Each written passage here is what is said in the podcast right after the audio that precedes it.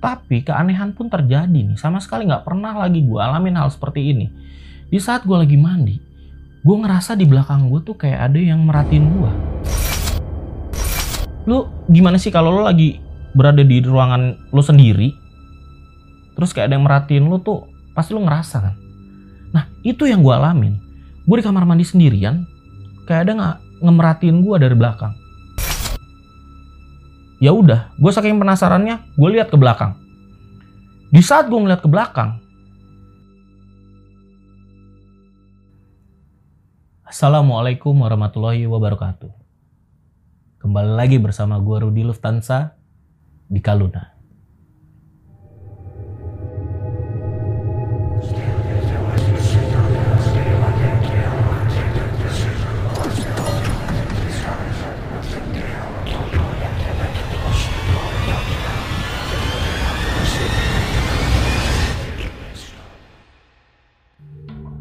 Cerita kali ini merupakan pengalaman gue. Saat itu tahun 2015. Gue bekerja sebagai kreatif event di salah satu kreatif agency di Jakarta. Nah, pada waktu itu gue anak baru. Gue baru bekerja di situ selama dua minggu. Kantor gue merupakan kantor yang lumayan bagus buat gue. Gedung dengan 37 lantai dan di atasnya tuh ada rooftop untuk restoran kekinian. Lalu kantor gue ada di lantai 32.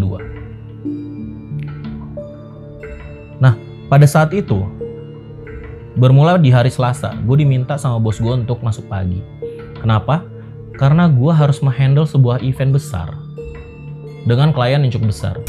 Pada waktu itu klien gue adalah salah satu perusahaan rokok dia biasa bikin event sama creative agency gue gue baru dua minggu bekerja di situ selama itu tuh nggak pernah terjadi hal-hal yang menurut gue tuh di luar nalar.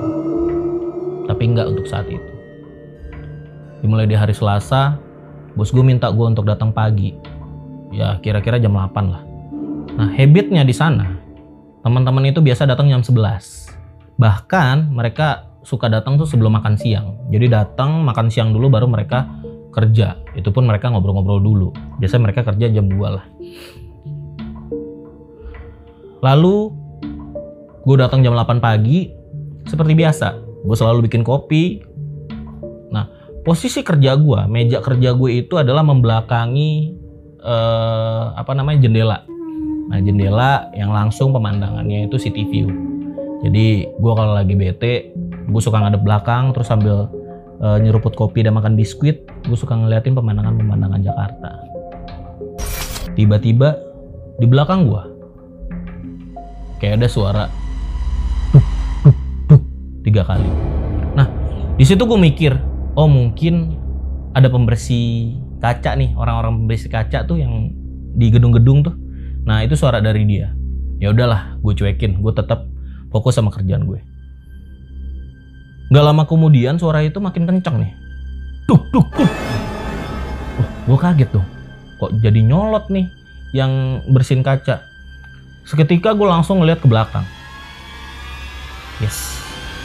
Pas gue ngeliat ke belakang gak ada siapa-siapa. Ya udah.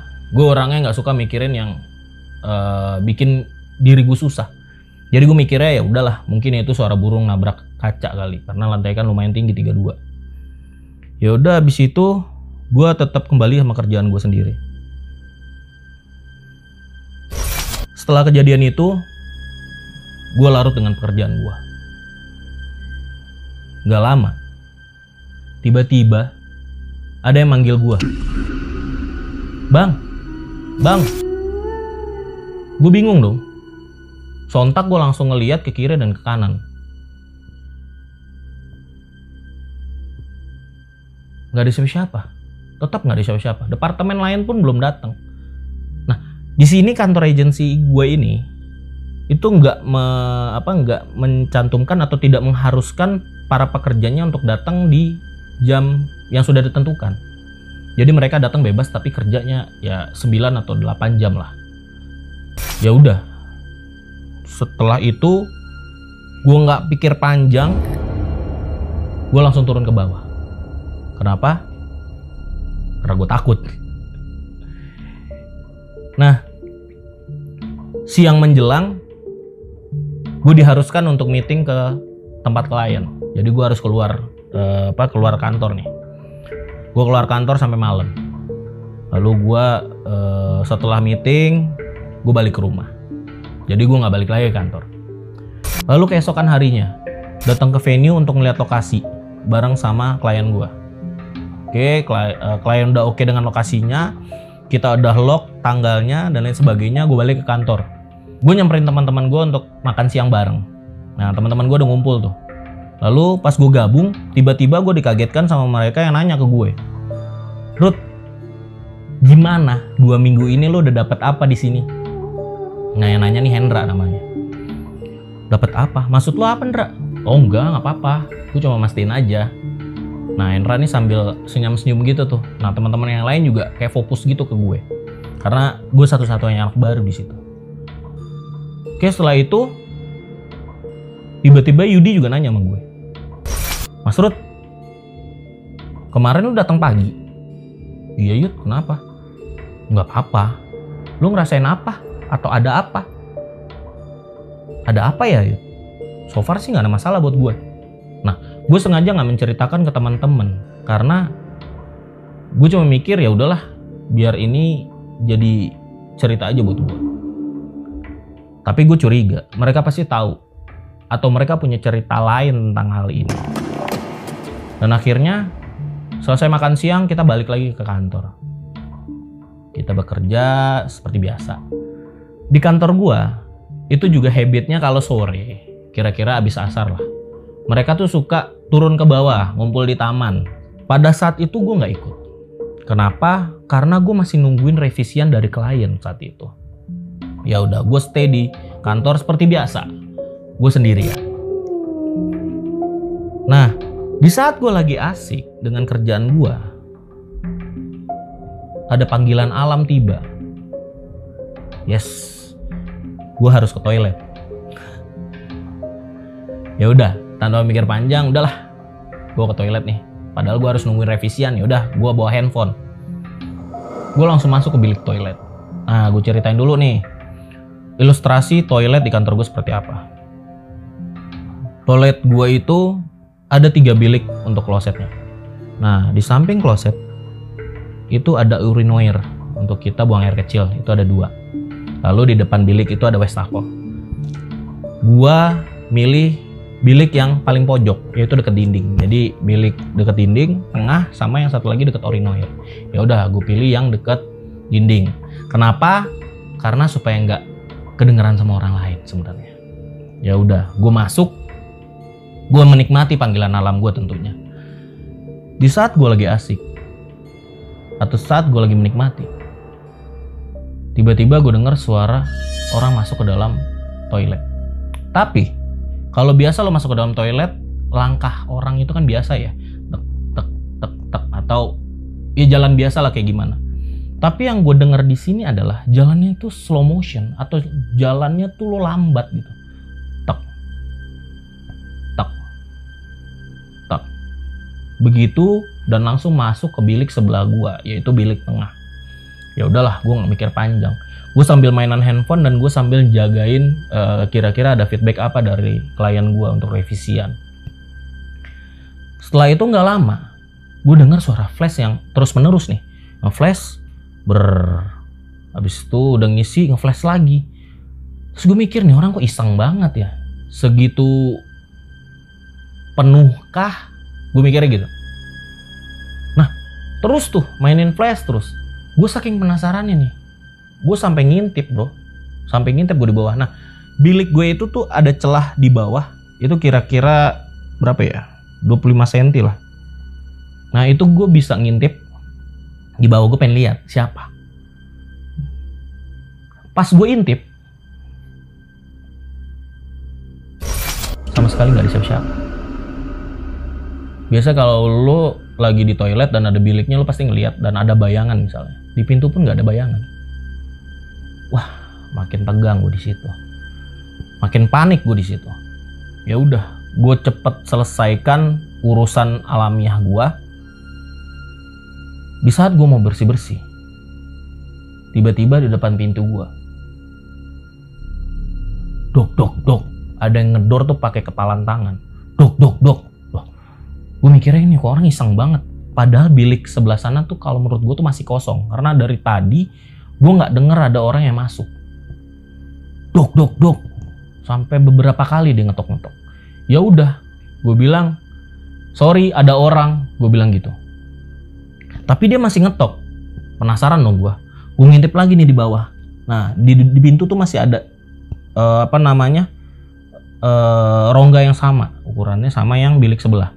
Gue lihat dan lo tahu sama sekali nggak ada siapa-siapa gue nggak mikir panjang gue selesain gue beres-beres udah gue langsung ke wastafel cuci tangan di saat gue mau keluar, ada lagi suatu keanehan yang menurut gue kok bisa toilet sebersih ini ada benda itu. Dan lo tahu yang gue lihat apa? Gue ngeliat segumpalan rambut. Kira-kira, nah sekepalan ini nih, tangan orang dewasa. Itu gue lihat di pojokan deket tong sampah. Waduh, gue bilang. Dan gue tahu maksud semua ini apa. Udahlah, gue langsung keluar langsung gue ke meja gue. Nah di situ situasi anak-anak udah pada balik. Nah itu udah habis maghrib. Anak-anak udah pada balik dari santainya. Gue buru-buru ke meja, tiba-tiba Pandu nanya sama gue. Lo kenapa Ruth panik banget abis dari kamar mandi? Enggak, nggak apa-apa. Nah Hendra nih. Dia juga nanya. Kenapa lo? Kok kayak ketemu sesuatu nih? Ceritalah. Enggak, nggak apa-apa Hendra gue lagi gak enak badan ya udah setelah itu gue langsung balik kerja keesokan harinya pada saat itu gue harus berangkat ke kantor klien gue harus meeting sama klien nah nggak tahu kenapa meeting sama klien saat itu itu bisa dibilang cukup alot lah jadi mesti lama banget dan selesai pada malam hari saat itu Lalu setelah meeting, gue diharuskan untuk balik lagi ke kantor. Karena gue harus bikin report untuk bos gue tentang apa yang udah gue kerjain selama ini. Khususnya untuk event ini ya. Ya udah, balik sesampainya di kantor nih. Sampainya di kantor karena gue buru-buru. Pengen pulang lah, karena waktu itu jam 8. Suasana di kantor saat itu udah gak ada orang. Karena yang tadi gue bilang, anak-anak tuh udah pada pulang jam segitu. Ya udah, gue tanpa pikir panjang lagi gue nyalain PC gue gue kerjain report untuk akhirnya gue sampein ke bos gue dan di saat gue lagi ngerjain report gue tiba-tiba di arah jam 11 itu gue ngedenger suara ketikan kayak orang lagi kerja gitu loh ngetik keyboard wah gue senang dong gue kira gue ada temennya nih untuk lembur gitu. Lalu pas gue mau nyapa sama sekali nggak ada siapa-siapa dan meja itu rapi. Kayak nggak kayak bukan bekas ada orang kerja di situ. Wah ya udah deh. Gue udah makin parno nih di sini nih. Ya udah gue gimana caranya gue harus cepat-cepat ngerjain report dan gue kirim ke bos gue setelah itu gue cepat-cepat pulang oke gue kerjain lagi gue balik untuk ngerjain report gak lama. Pas saat gue lagi konsentrasi untuk ngerjain kerjaan gue itu tiba-tiba gue kayak diteror. Kayak gimana ya? Lu berada di ruangan yang benar-benar orang semua tuh pada kerja. Banyak yang banyak banget suara keyboard di situ. Dan itu hampir semua uh, kubikel itu kerja wah makin panik gue pas gue lihat sama sekali nggak ada siapa-siapa. Nggak ada siapa-siapa. Kosong semua. Kondisi kosong. Hanya gue sendiri di situ. Waduh udah deh. Gue gak mikir panjang. Gue beresin semuanya. Gue langsung kebut untuk pulang. Nah di saat perjalanan pulang gue mikir nih ini ada apa sama gue selama tiga hari berturut-turut gue selalu dapat teror atau gangguan dari hal-hal yang gue nggak ngerti. Karena gue nggak pernah ngalamin ini sebelumnya. Gue sampai kosan akhirnya gue telepon bos gue gue bilang sama bos gue bos gue minta maaf. Gue nggak ngerjain di kantor ya. Gue lanjutin report untuk kerjain di rumah. Gue bilang gitu. Gue selesai report gue kirim ke beliau. Dan dia bilang oke okay, thanks. Dia bilang gitu ya udah aman menurut gue gue langsung mandi. Dan ternyata belum selesai. Di saat gue mandi gue masih kepikiran tentang apa yang terjadi sama gue selama ini. Ya udahlah.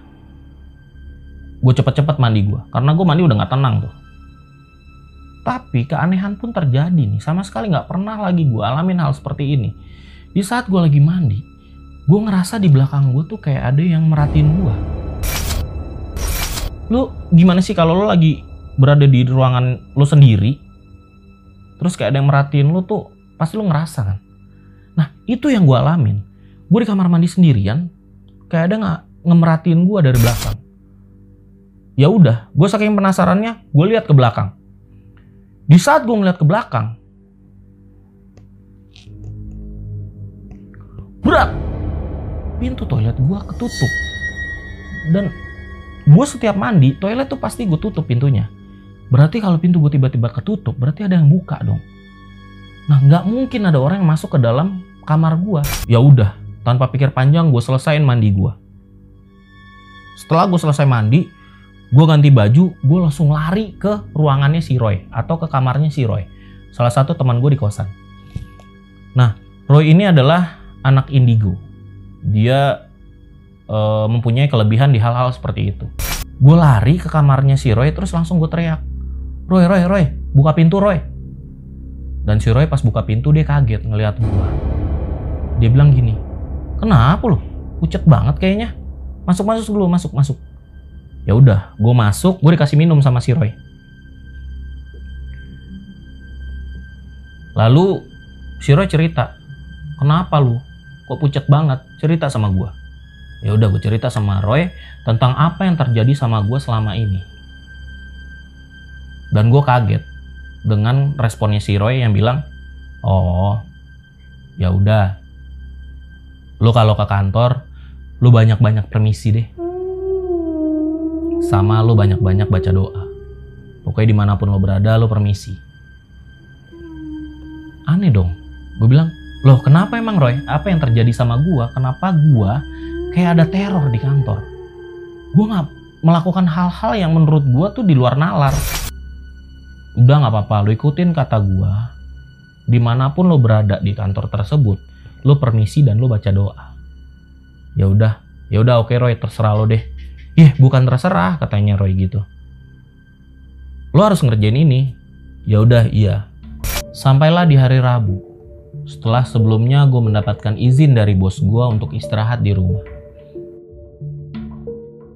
Udah lima hari gue istirahat di rumah. Dari Jumat, Sabtu, Minggu, Senin, Selasa.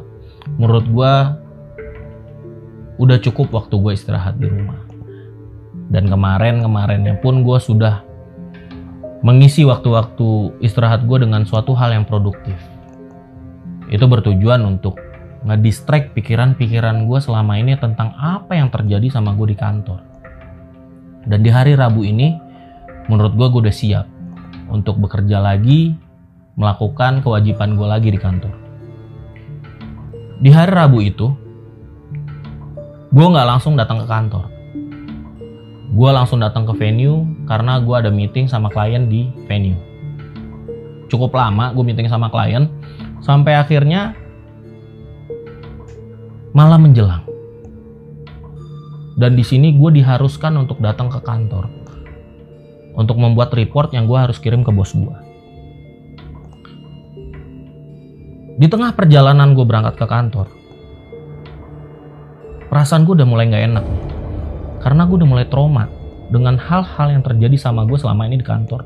Apalagi setiap gue balik ke kantor malam hari, itu pasti, pasti ada kejadian-kejadian di luar nalar gue.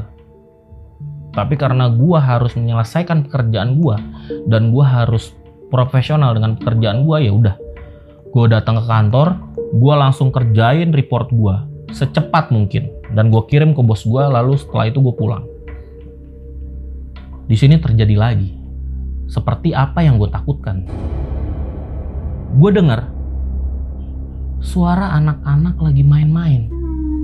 Gak cuman satu atau dua, ini rame banget. Ada yang ketawa, ada yang lari-lari, ada yang teriak-teriak. Di situ gue kacau banget. Kacau banget. Gue mikir, di lantai 32 di kantor ini, anak-anak siapa sih yang main jam 7 malam? Oke, gue beranikan diri untuk ngeliat situasi saat itu. Gue berdiri, gue lihat di arah jam 11. Gak ada siapa-siapa. Gak ada siapa-siapa. Waduh. Gue udah pucet banget di situ. Syukurnya report gue udah selesai dan gue tinggal kirim. Ya udah deh. Gue langsung email ke bos gue, report gue. Selesai email, udah gue buru-buru pulang. Gue nggak mikirin apalagi feedback dan lain sebagainya. Gue buru-buru pulang, gue angkut tas gue, gue matiin PC gue, gue langsung ke bawah. Di saat perjalanan gue mau ke parkiran, gue disapa sama security kantor. Mas Ruth, malam lagi? Kata beliau seperti itu. Terus gue bilang, iya nih pak, tapi aman kan mas? Security gue ngomong gitu. Nah, gue tarik mundur. Kenapa semua orang banyak yang nanya sama gue, tapi aman kan? Tapi aman kan? Seolah-olah apa yang terjadi sama gue, ini udah bukan rahasia publik lagi ya udahlah gue bales atau gue bales apaan dari security itu gue bilang iya pak aman kok ini saya mau pulang capek nih dan tiba-tiba security gue juga bilang gini ya udah mas sampai rumah jangan lupa mandi ya. Banyak banget orang yang bilang kalau gue nyampe rumah jangan lupa mandi jangan lupa mandi. Emang sekacau itu muka gue atau sekacau itu tubuh gue enggak kan? Gue setiap walaupun gue habis dari mana pun gue sampai rumah tetap harus mandi sih. Tapi setiap di kantor gue setiap orang ketemu gue mau gue pulang itu dia bilang jangan lupa mandi ya. Ya udah tanpa pikir panjang gue bilang mas security iya pak makasih. Saya pulang dulu ya. Oke gue ke parkiran gue langsung pulang. Lalu tibalah di hari Kamis. Nah saat itu gue berniat untuk gue nggak masuk hari itu. Dengan kejadian apa yang gue terima di sebelumnya gue ngerasa badan gue udah gak enak. Ya udah gue telepon bos gue gue bilang bos gue minta izin hari ini gue nggak masuk kerja lagi ya karena badan gue nggak enak lagi nih oke seperti biasa karena kebaikan bos gue beliau juga bilang ya udah lo hari ini istirahat dulu aja selesai gue istirahat sore menjelang kira-kira jam 5 sore gue mendapati telepon dari bos gue. Ruth, lu bisa nggak ke kantor? Sekarang. Soalnya ada beberapa file yang harus dikirim ke klien. Dan ini file-file penting. Gue minta tolong banget untuk lu ke kantor bisa. Nah di sini gue mikir karena kebaikan bos gue selama ini, yang setiap gue minta izin selalu diizinin, ya udahlah, gue respect sama bos gue. Oke bos, gue berangkat sekarang. Nah di sini perjalanan ke kantor, hati gue tuh berkecamuk lagi. Gue nggak tahu akan terjadi apa nih hari ini. Gue udah pasrah aja. Karena gue berpikir bos gue udah baik sama gue masa iya gue nggak kerjain kerjaan apa yang dia minta. Ya udahlah apa pun yang terjadi yang penting gue berdoa aja dalam hati. Gue minta izin dan gue permisi permisi. Sesampainya di kantor, waktu itu jam 6 sore di kantor gue tuh masih ada OB yang lagi bersih bersih ruangan ya udah gue mikir oh gue masih ada temen nih gue langsung ke pantry untuk bikin kopi. Nah gue ceritain dulu nih ilustrasi pantry gue ya. Pantry gue itu ada empat meja dengan beberapa bangku yang tersusun rapi. Kemudian ada kulkas dan ada dispenser. Nah gue masuk ke pantry gue bikin kopi di dispenser. Di tengah gue lagi bikin kopi, tiba-tiba gue ngedengar suara ada geretan kursi, seret gitu, kayak orang mau duduk. Gimana sih kayak orang mau duduk tuh? Pasti dia ngegeser kursi dulu kan, seret. Gue mikir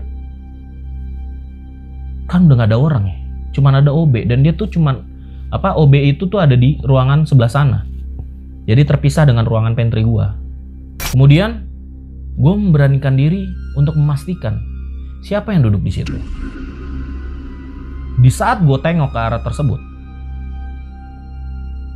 gak ada orang sama sekali. Dan posisi kursi pun masih tersusun rapi seperti tadi gue pas masuk ngeliat kondisi dari meja-meja tersebut. Kaget gue, panik gue di situ. Tapi ya mau gimana? Gue harus nyelesain kerjaan yang diminta sama bos gue. Ya udah, gue berpikir gimana pun caranya gue harus cepat nyelesain kerjaan gue dan gue kirim file-file yang dibutuhkan oleh klien. Setelah itu, gue langsung meluncur ke meja gue.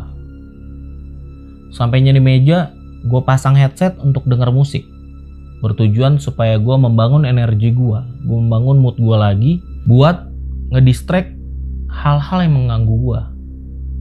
Singkat cerita, semua pekerjaan yang diminta oleh bos gue yang akan dikirim ke klien itu udah selesai. Dan gue kirim semua file-filenya ke klien.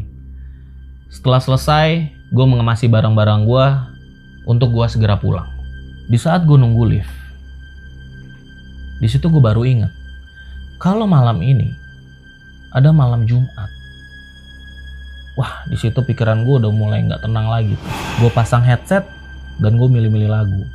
Di saat gue lagi milih lagu, pintu lift terbuka. Gue masuk ke dalam lift. Dan seperti biasa, gue pencet lantai G atau lantai ground untuk gue menuju ke parkiran. Lalu tiba-tiba pintu lift terbuka. Ya udah, gue lagi asik main handphone, gue keluar tapi di saat gue keluar, ternyata gue turun di lantai yang salah. Gue lihat di depan gue tuh seperti lorong. Gue lihat angka di depan lift. Ternyata ini lantai 13. Dan kondisi saat itu lantai gelap, udah mati lampu semua dan AC pun udah mati. Ilustrasinya seperti ini di lantai 13 itu depan lift itu lorong. Yang mana kiri dan kanannya itu tenan. Tenan-tenan di lantai 13 ini jam 5 itu karyawannya udah pulang semua. Nah di situ posisinya udah gelap, AC udah mati. Ya udah, tanpa pikir panjang, gue pencet tombol untuk turun lagi ke bawah. Dan pas gue lihat, lift yang tadi gue naikin, monitor lantainya itu masih lantai 13. Berarti itu lift ada di hadapan gue. Normalnya adalah kalau liftnya masih di lantai yang sama dengan lo, kalau lo pencet tombol ke bawah, itu akan langsung terbuka. Nah ini nih nggak kebuka-buka. Kurang lebih kira-kira gue nunggu sekitaran satu menit. Pintu kebuka, gue langsung masuk lift. Dan gue pastikan yang gue pencet itu adalah tombol ground. Ya udah, gue pencet tombol ground, gue pencet tombol untuk tutup pintu. Ternyata keanehan pun terjadi pintu nggak langsung ketutup. Waduh. Harusnya kalau lo masuk lift dan nggak ada orang lagi, itu lo pencet tombol tutup, itu pintu akan tutup. Di sini tuh bermasalah lagi nih lift. Pintunya belum ketutup. Waduh. Gue langsung pencetin itu tombol.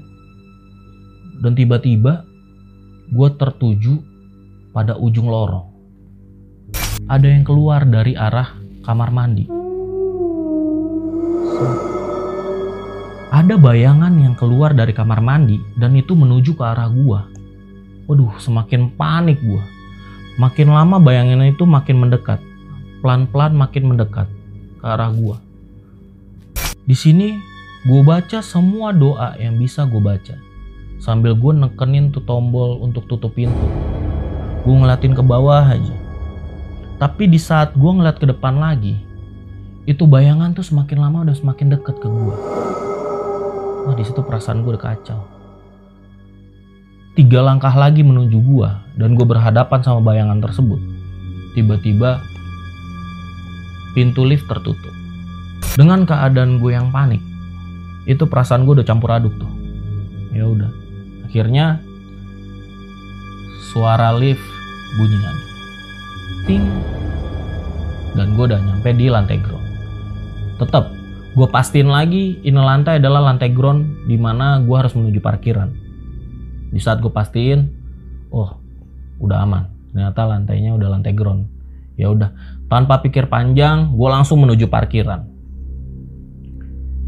Di tengah jalan gue pulang ke kosan gue berpikir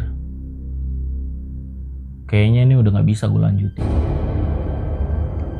Berturut-turut selama tujuh hari gue di kantor gue selalu mendapatkan teror yang di luar nalar gue gue mikir apa yang terjadi sama gue selama ini?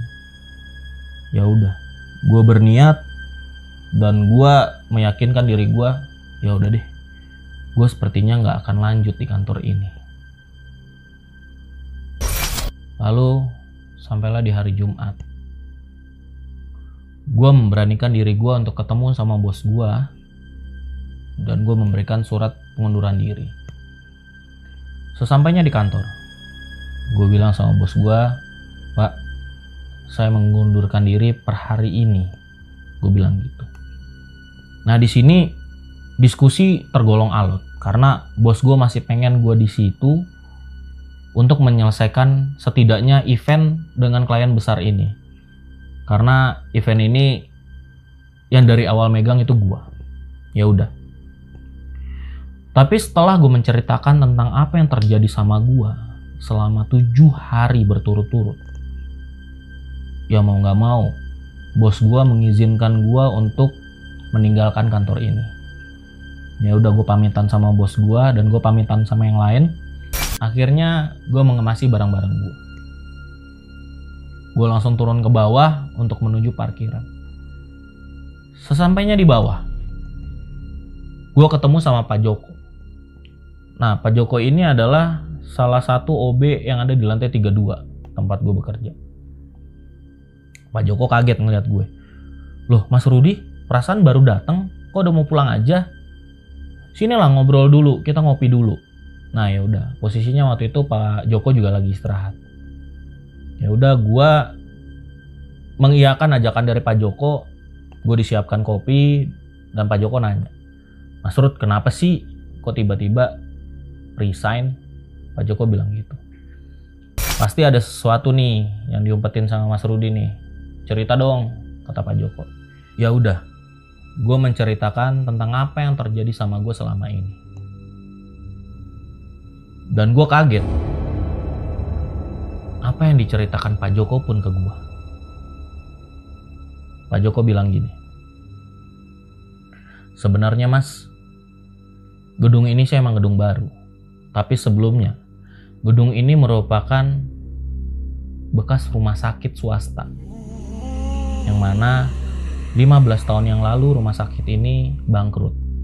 Selama 15 tahun gedung ini terbangkalai dan akhirnya dibangunlah gedung yang sekarang ini. Sebelum-sebelumnya ada beberapa karyawan yang juga resign gara-gara mengalami hal yang pernah Mas Rudi alami. Tapi ya udah nggak apa-apa. Yang penting Mas Rudi selamat dan Mas Rudi aman-aman aja. Gue kaget dengan apa yang diceritakan oleh Pak Joko dan gue bilang Pak Joko, oh pantesan selama ini anak-anak dan lain-lain banyak yang nanya Pak sama saya lo aman kan? Lo aman kan? Nah di situ saya udah mulai curiga dengan apa yang terjadi. Ya udah pak. Saya pamit ya. Terus pak Joko juga bilang baik mas nggak apa-apa. Yang penting semua aman. Mas Rudi sukses di mana pun mas Rudi berada. Oke. Sekian cerita dari gua.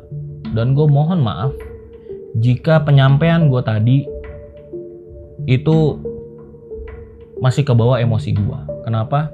Karena ini merupakan pengalaman yang membuat gue trauma. Karena gue nggak pernah ngalamin hal ini sebelumnya. Tujuh hari gue ngalamin teror di kantor gue sendiri. Dan gue nggak tahu tentang apa pun yang terjadi sama gue. Sebenarnya sampai saat ini.